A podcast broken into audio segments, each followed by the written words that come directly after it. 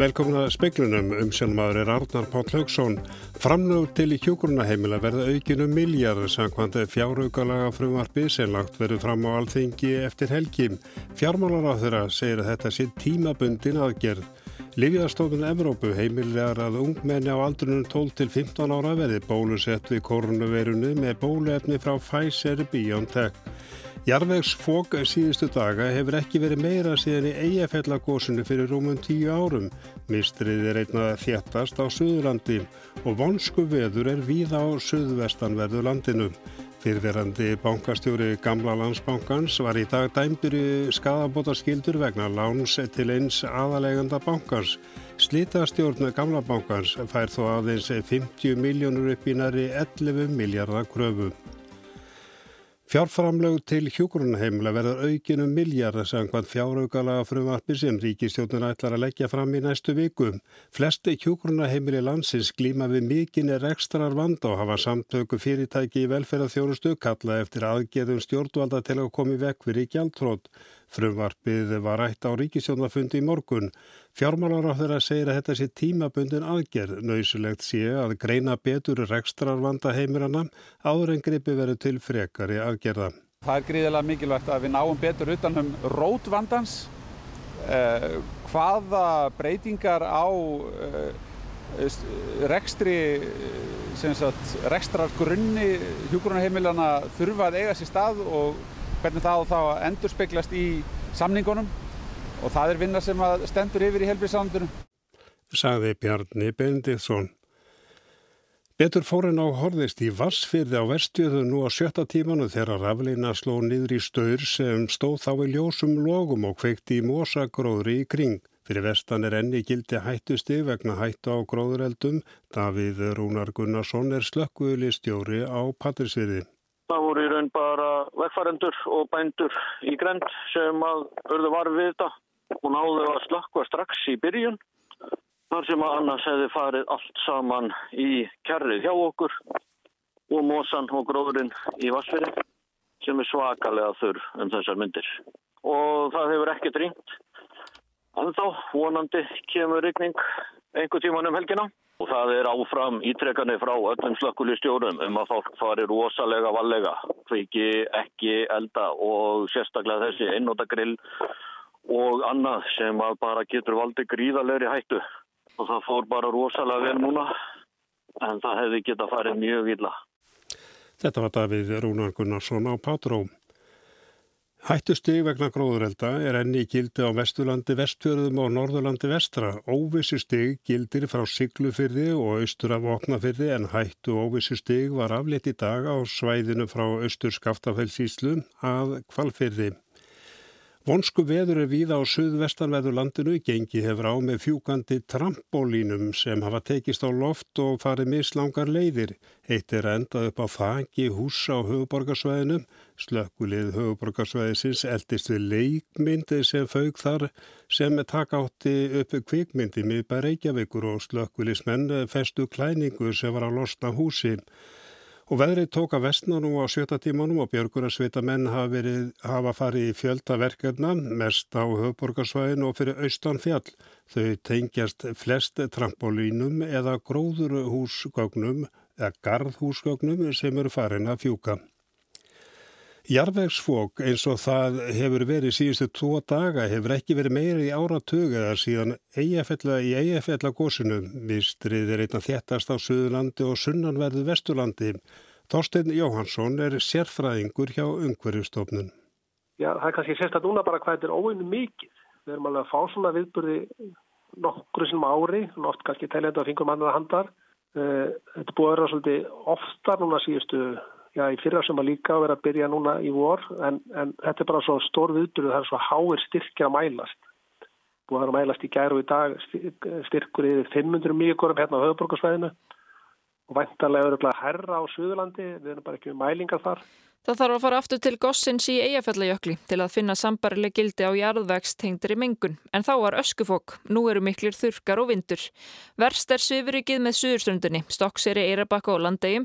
Einn af þeim stöðum sem fíkur úr er vestan við Landegjahöfn. Eins og lótt myndi sína, þetta er ótrúlega lítið svæði þannig séð. Þetta er ekki öll suðurströndin, er þetta fyrst og þetta svæði þarna rétt í kring og Landegjahöfn. Það sem er að, er að fjúka upp. Fólk er hvað til að fylgjast með loftgæði.is og það getur verið varasamt að vera í mikilli líkamleiri árenslu utandira í mengun sem þessari. Að þegar þetta komið eins og í dag sko 500 þá maður myndi ekkert mælega að fara að hlaupa sko 10 km ring, jafnvel fullflust fólk en, en, en þetta er nú samt sérstaklega til við hvað maður er að hópa. Þeir sem eru með asma, veiki lungum geta fundið fyrir þessu og, og hérna það myndi ekki, ég mær ekki með að setja unga bönn út í vagn þegar það er svona mikið sögurík. Þetta var Þorstin Jóhansson og hólfriðudagin í Fríðjansdóttir tók saman. Livjastáttun Evrópu heimila í dag að ungmenni á aldrinum 12 til 15 ára eruð bólusett við koronavirunni með bólefni frá Livjafyrirtækjónum með Pfizer og BioNTech. Þjóðverið er áforma að bjóða þessum aldurshópi bólusetningu frá næsta mánuði. Í tilkynningu sem Livjastofnun Evrópu sendi frá sér í dag segir að prófanir hafi sínt að ungmenni þóli vel bóluefnið frá Pfizer, BioNTech og ekki sé ástæða til að halfa alvarlegar áhyggjur af aukaverkunum eins og það er orðað. Livið var prófað á rúmlega þúsund börnum og unglingum. Ekkert er að síndi merki um aukaverkanir en þær komið fram í 16 tilfellum hjá 978 ungmennum sem fengu livileysu. Hilbyrðis yfirvaldi í Þískalandi tilkynntu í dag að þau ætluðu frá 7. júni að heimila að Pfizer BioNTech lifið yrði notað til að bólusetja ungmenni frá 12 ára aldri. Lífjastofnanir í bandaríkjunum á Kanada hafa þegar heimilað notkun þessa bóluefnis fyrir börn og unglinga frá 12 ára aldri. Moderna ætlar að óska eftir leifi fyrir sama aldursóp fyrir bóluefni sitt hjá Lífja eftirlitstofnunum í Vesturheimi og víðar. Allsjóða heilbriðistofnunin hefur líst yfir andstöðu við að heilbriðt fólk á þessum aldri sé bólusett. Næri væri að nýta bóluefnin í hinnum fátækari löndum heimsins þar sem skortur er á þeim. Áskjör Tómasson saði frá. Kristján Þór Júliusson, sjávarútvegs og landbúnaráð þeirra segist ekki af átt í samskiptum við svo kallaða skærulega deild á vegum samherja. Hann segist þó hafa átt í samskiptum við Pál Stengrimsson, skipstjóra hjá samherja. Fjölmilar hafa undanfarið fjallað um að starfsmenn Samherja hafi haft uppi hugmyndir til að hafa áhrif á prófkjör sjálfstæðisflokksins í norðausturkjördami og formannskjör til Blagamannafélags Íslands. Kristján Þóru Júliusson segir þá sjálfa þurfa að svara fyrir sín afskipti. Ég þekki ekki hvernig og hvort slikt skipla hefur verið í gangi. Ég, það meg allir hafa skoðun á prófkjörsmálum en ég stend ekki neinu slíku marki. Ég hef gefið út á yfirlýsingu að ég sé að hætta í pólitík og sé þarna fullt af góðum frambjóðundum. Hann segir að lengi hafi verið deilt um afskipti fjársterkra fyrirtækja á prófkjör stjórnmálaflokka. Eitt þeirra sem fjalla hefur verið um undanfarið er Pál Stengrimsson, skipstjóri hjá Samherja. Pál er meðal þeirra sem er í svo kallari skærulega deilt Samherja. Þú þekkir allt þetta fólk, þú þekkir allavega stjórnundu fyrirtækjasins og þekkir fyrirtæki mjög vel og ert í samskiptu við þá. Já, hefur þið tekið upp síman og, og gefið þeim góða ráleikingar eftir að þessa síðustu upplýslanir?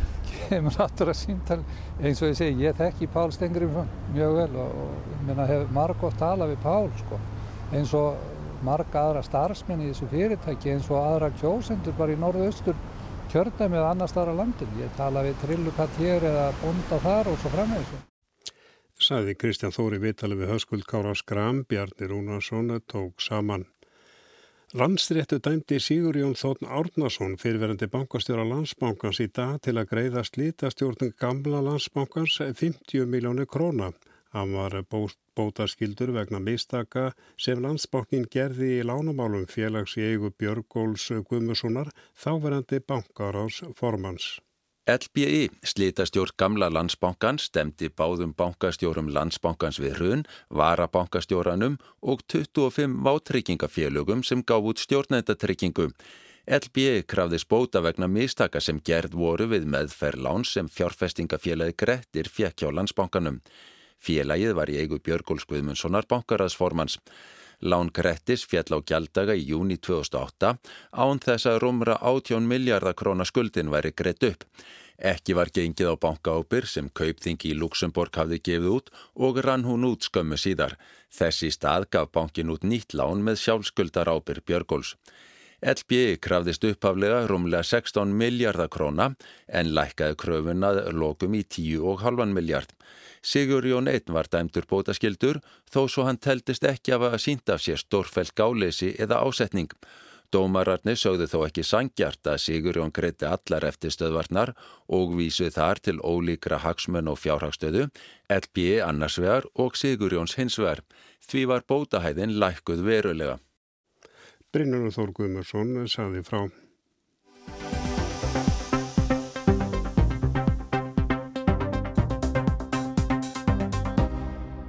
Friðrik Jónsson er nýr formaður BHM með bandalags háskólamanna og tekur við að Þórunu Sveinbjörnadóttur. Hann tók formlega við ennbættinu í gæra á aðalfundi bandalagsins og Friðrik er mættur hingað. Verður velkomin.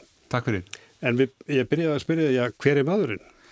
Já, Friðrik Jónsson er uh, búin að vera starfsmæður utanriksstjónustunar í 25 ár og uh, fjölskyldur maður í vesturbænu núna og uh, mikil hundakall og líka verði að játa miðaldra poppari í, í að sá draumur lifir aðeins og síðan er ég búin að vera núna undanfarið eða í vetur formaður félags háskólamendara starfsmannar stjórnaráðsins og formaður hagsmunaráðs starfsfólks utaríkistjónustunar.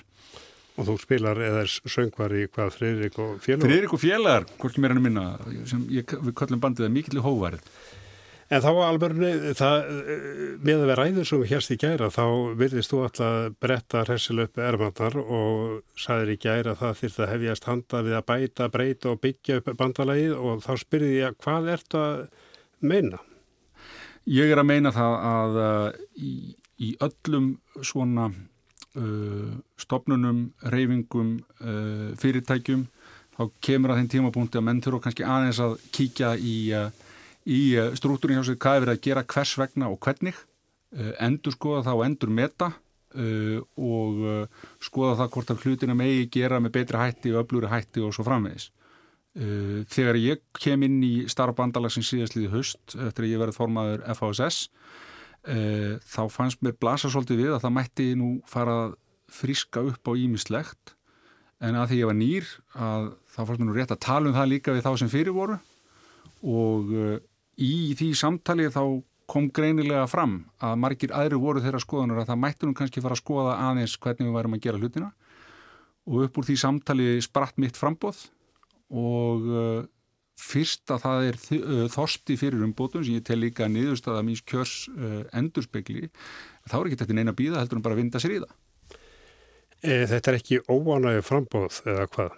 Nei, alls ekki. Þetta er meira svona umbóta og eins og segi Uh, orðaða, já, ég orðaði nú ekki alveg þannig að það var í bæta hressa kæta en, en, en svolítið þannig. Við þurfum að nútíma væða pínulítið, við þurfum að skoða hverjir okkar innriferðlar eru, við þurfum að skerpa og heldar stefnumörkun ásýnd bandalagsins út af við, við þurfum líka að uh, kannski að laga okkar markasetningu, við erum, uh, jú, 16.000 manna heldarsamtök og fjöldarhefing en það er yfir 90.000 manns háskólamendar og íslensku vinnumarkaði þannig að það eru sóknarfæri. En það eru kostninga framöndan ætlað þú að beita þér eh, fyrir því að koma sérstaklega ykkar málum að framfæri núna í ádraðanda kostninga? Algjörlega og uh, stefna því að eiga virt uh, samtal við uh, fulltrúnar flokkana í samstarfi náttúrulega við mína félaga að því að sem formaður BHM að þá er ég fyrst og fremst í, í þjónustu fyrir þau aðaldafélug sem myndabandalagi og en, en það eru verkefni framöndan, það er bara samtal við alla sem koma eitthvað að þessum málum það er hans margir. Og þú ætti að líka tala við eh, aðra aðila vinnumarkaðarins og ert að tala um að bæta samskipti og vinna vinnu og vinnubröð á íslensku vinnumarkaði. Já, hvað áttu nákvæmlega við þar? Það sem ég á við þar eh, sem náttúrulega til lengri tíma áhorfandi utanfrá eh, er, og það er eðlilegt í svona umhverju að þá verða kannski hérna, verður kannski ákveðin stemming eða ákveðin ásýnd og hún hefur borin með sér undanfarið ákveðin átakabrag sem er líka eðlilegt. En mögulega með betra samtali þar sem við uh, setjum snýður og ræðum hvað er það sem við teljum uh, þurfa að laga, breyta, bæta. Uh, að það náum við uh, vonandi betur saman að við tölum minna í átt að hvort öðru og meira við hvort annað. Og þetta er það sem ég vonast til þess að geta gert. Og partur af því er að ég hef sett uh, fram þá róttæku hugsun að því er virðist að ég vil ekki hérna klára næstu kjara samninga áður en að þessi renna út. Og uh, mér þykir það mjög skemmtilegt að fá þau viðbröðbítu, það hefur aldrei nokkur maður gert svoleiðis. Og eins og ég sé að bóða eitthvað mjög, já, bæði rótakt en kannski svolítið næf. En það hefur alveg rétti verið að það hefur gengið með seint en og menn hafa reyndar hérna, reynda að haga mönnum þannig að eh, byrja að hefja viðræðina mjög snemma en það tekst aldrei að ljúka kjærasörningum fyrir en eftir að þeir eh, ganga úr gildi. Já, hvers vegna? Það er góð spurning. Ég vil gætnan vita það það er bara greiningavinnan framöndan sem ég vil vinna í, með mínum félögum í bandalæginu og síðan helst í samstarfi við, við aðra aðila vinnumarkaðan að við lögum, lögum þetta. Ég, ég get ekki séð þessi sjálfstætt markmið að það verði alltaf að vera vöflur hjá ríkisamsáttasemra til þess að segja að þetta skrifa undir. En kjörtími þinn eru tvö ár, það er kannski ekki langu tími, en menn horfa fram á það að vinnumarkaðurinn breytast mikið í framtíðinu. Mentamenn og breytingar á vinnumarkaðu, hvernig hljómar það? Já, ég menna það er það, einmitt þessuna sem við þurfum kannski að einmitt uh, bæta og breyta hjá okkur. Uh, við þurfum að verða svona meira eins og bandalag, já, hugvits og mentunar, við þurfum að horfa hvað er, hvað er það sem að þarf að gera hjá okkur í, í íslensku hækjari til þess að svona, framtíðin verði, verði björnt. Uh, við þurfum að, að vinna því að, að háskóla mentaðir finni sér stað hér og tækifæri, ekki Uh, og, og þú veist, í prívatinu hjá, og ekki bara hjá hann og umbyrra þetta almennt verði hér ákjósanlegt og eftirsóknarvert og gefandi þá bæði almennt er líka kjaralega umhverfi fyrir þá sem eru háskólamendar við metum mentun til launa og mentun sé þess verið þessi æskil, þessi eftirsóknarvert að það að maður sæki sér einhverja sérfræðikonandi hún verði einhvers metin hér heima. Við lendum ekki í því að já, fólk þá bara fara eitthvað annað eða bara sæki sér ekki mentuna því að það er ekki þess virði. Og hérna, þannig að þannig að það er líka partur að baratunum framtana því að eins og segir, hækkerið er að breytast. Það er að koma nýjar áskoranir við getum ekki verið að gera sko 2001. öldina hlutin eins og vorum að gera kannski á þeirri 20. En hérna þurfum við að vinna, við þurfum að greina, við þurfum að tala saman uh, og, og gera það aftur og aftur og aftur og aftur Það var álítið samþýtt á fundurum sem að þú átreyndar ekki sög á eða ekki, þú tókst ekki við fyrir að fundi í lókfundarins.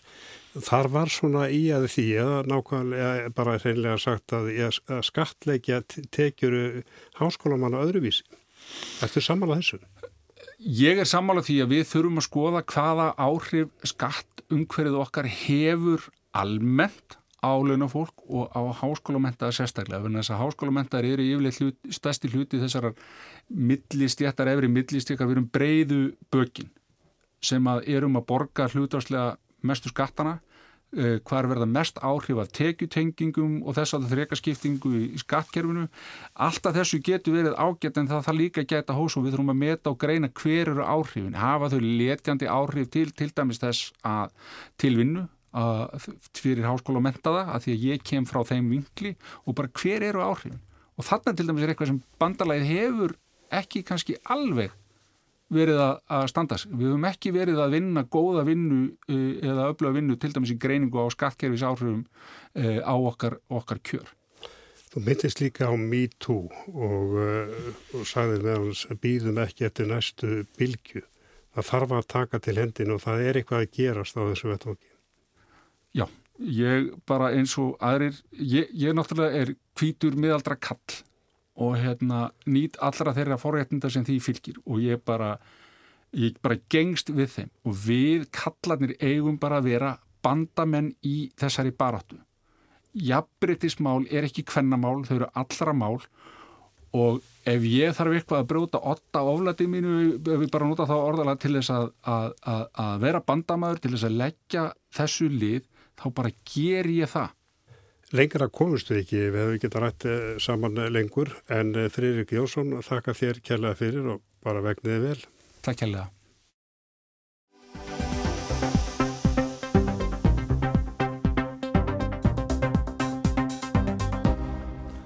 Norska lauruglan hefur kynntið nýjar vísbendingar um hverji gætu hafað rændi Anne Elisabeth Hagen fyrir næri þreymur árum.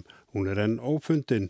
Nú telur lauruglan að aðeins lítill hópur hámentara tæknimanna, jafnvel úr fjármálaheiminum, hafi búið yfir einn ægri þekkingu til að skipulegja svo torrleistan glæp og nú er þessara manna leitað. Almenn tilfinning er að rannsókninni miði ekkert og að laurugla hafi engar haldbæra sannanir í höndum. Ekkert sem getur skýrt hvar Anne Elisabeth Hagen er niður komin, hvort hún er á lífi, hver rændi henni og hvers vegna. Það vantar enn flest sem bendir til að frægasta mannrán í sögu Noregs verði upplýst. Samt kom alltaf vísbendingar frá lauröklu um að eitthvað fari nú að gerast. Tom Hagen, eigin maður Anne Elisabethar, liggur ennundur grun og einni maður sem vann fyrir hann að tölvumálum en það kemur ítrekkaði ljós að þessar grunnsemdir byggja á mjög rýrum forsendum og því er beðið eftir nýjum fréttum og það er komið nú á dögunum. Lauraglan lagði ný spil á borðið og sæði frá nýjum sporum sem fyllt er núna. Yfirvöld hafa því ekki gefist upp á að finna Anne Elisabeth Hagen. Rannsóknin heldur áfram en engin áþreifanleg sannunagögn hafa enn fundist. Í þessum nýjustu upplýsingum kemur margt merkilegt fram. Í fyrsta lægi að undirbúningur að mannráninu virðist hafa hafist í júni 2018, fjórum mánuðum áður en konunni var rænt, en það var í oktober. Rannsóknin hefur leitt inn á spór sem benda á nákvæmt skipulag og að beðið hafi verið fram á haust með að hrinda því í framkvæmt. Jafnframt kemur fram að mannræningin eða mannræningjarnir hafi búið við mjög sértækri þekkingu á rafmyndum og aðferðum til að fela spór sín á internetinu. Lausnargjaldið átt að greiða í rafmynd og samskipti í sendingum í slíkum myndum. Núna er rafmyndin bitcoin í tísku en þetta var fyrir þremur árum. Fyrir þremur árum var bitcoin líka nefnt í blöðum af og til og margir þekktu bæði nafnið og eitthvað meira til þessa hátækni gjaldmiðils. En mannræningarnir voru ekki þar stattir í þekkinguna á rafmyndum sumarið 2018. Það er niðurstaða lauruglu. Þeir þekktu vel til margra minni þekktra var afmynda og mjög leinilegra. Og þeir þekktu til vikslara sem komar afmyndum yfir í aðrar afmyndir og yfir í almenna peninga. Þeir gjör þekktu þetta svið eins og það var fyrir þremur árum þegar nótkun á rafmyndum var aðeins á færi fára sérfræðinga. Þetta segir laurugla þrengi mjög hóp þeirra sem gætu hafa lagt á ráðin um mannránið. Aðeins fáeinir menn kunnu allt þetta fyrir þremur árum. Þarna bætist við að mannræningarnir þekktu til margra aðferða til að fela spór sín á netinu, þannig engin veit hvar unnið var að þessum undirbúningi. Samskipti við ræningjana eftir ránið benda bara til að gengi það verið frá öllum undirbúningi fjórum mánuðum fyrir ránið. Þá voru rekningar opnaðir og samskipta forrið valinn. Tom Hagen fann hótunabrif í húsi þeirra hjóna með leiðbeiningum um greiðslu og lausnargjaldinu. Þetta bref er á bjagaðri norsku en sérfræðingar telja að móður mál höfundar eða höfunda sé norska. Því segist laurökla verið að leita norskra manna með óvenjulega og sértæka þekkingu á rafmyndum fyrir þremur árum. Laurökla byður nú um vísbendingan um slíka menn. Þeir get ekki verið margir og ekki bara einhverjir ótýndir glæpamenn nýkomnir úr steininum. Við bætist svo að þessin menn búi yfir einbeittum brotavilja að mati lauröglu. Þeir hafi notað þekkingu sína til að komast yfir lausnargjald upp á 90 miljónir norskara króna sem reyndar þykir grunnsamlega lítið með svo mikill í fyrirhöfn. Og enn einn vísbendingar frá lauröglu, í hótunabrefunu er notaðar skamstafanir úr bankamáli. Skamstafanir sem aldrei sjást í almennum fréttum. Ræningarnir þekki því meira til í fjármálaheiminum en almennir borgarar. Svo er að sjá hvert lauruglu berast ábendingar um menn, sérfróða um fjölmarkar rafmyndir eins og þær voru fyrir þremur árum, sérfróða um netöryggi eins og það var fyrir þremur árum og sérfróða um innanbúðartal í fjármálastofnunum eins og það var fyrir þremur árum. Gísli Kristjánsson í Oslo saði frá.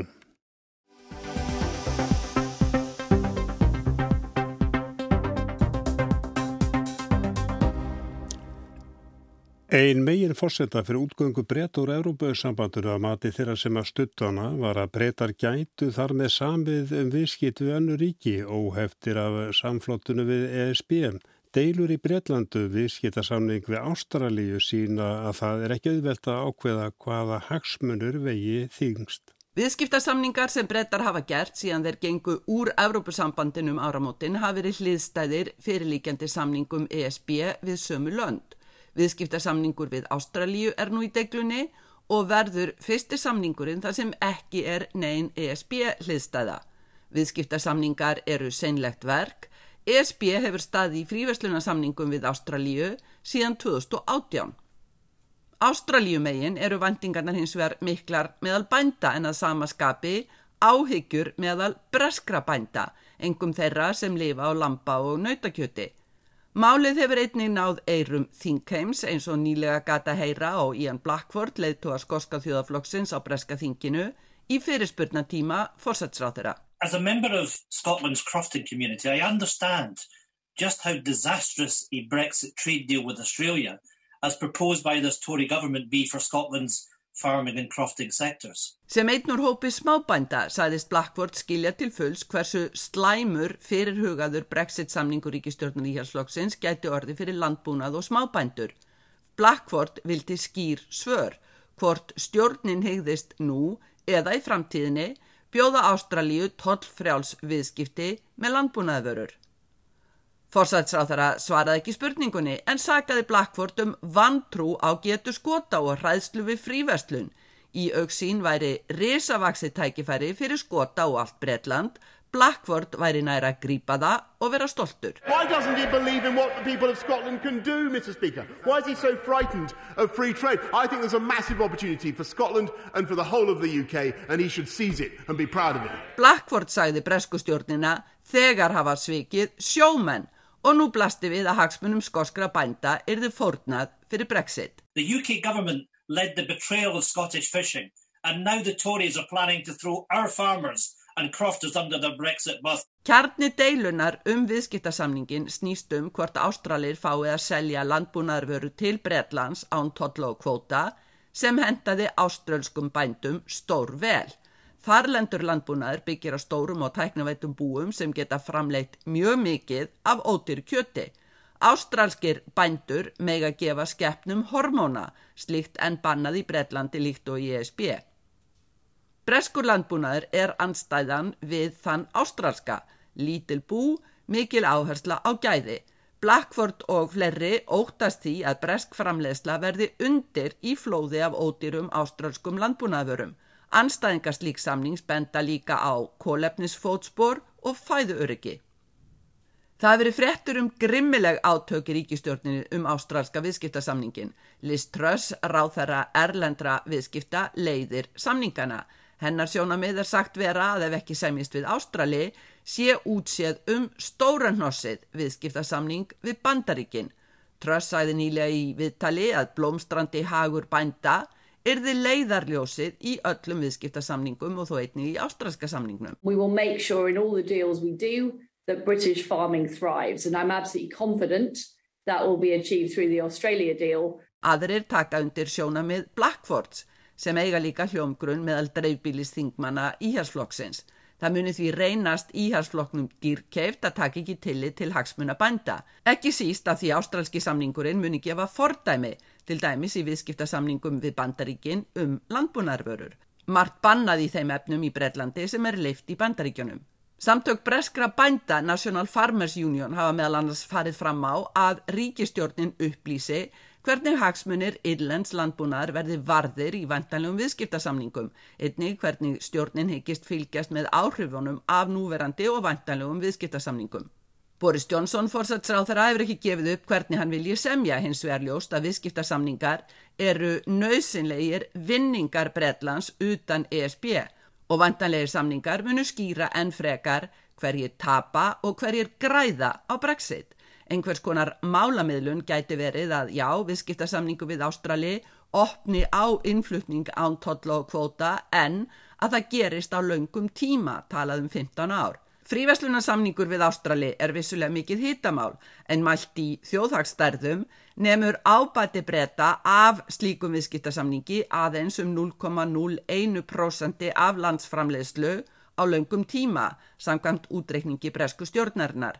Nýjar breskar hagtölur sína að heildarviðskipti breyta við ESB, bæði út og innflutningur, dróðu saman um ríflega 23% á fyrsta ársfjörðungi ársins, meðan heildarviðskipti við önnurlönd dróðu staðin saman um tæft 1%. COVID skýrir ekki þennan mun. Fríverslunarsamningur við Ástralíu væri pólitískur ávinningur en er léttvægur í þjóðharslegu tilliti. Brexit sinnar telja að það breytist með áronum en það þarf sannarlega drjúgt til. Og það var Sigrun Davíðstóttir sem aðtalaði frá Lundunum með speilin ekki lengri, meiri sæl og góða helgi.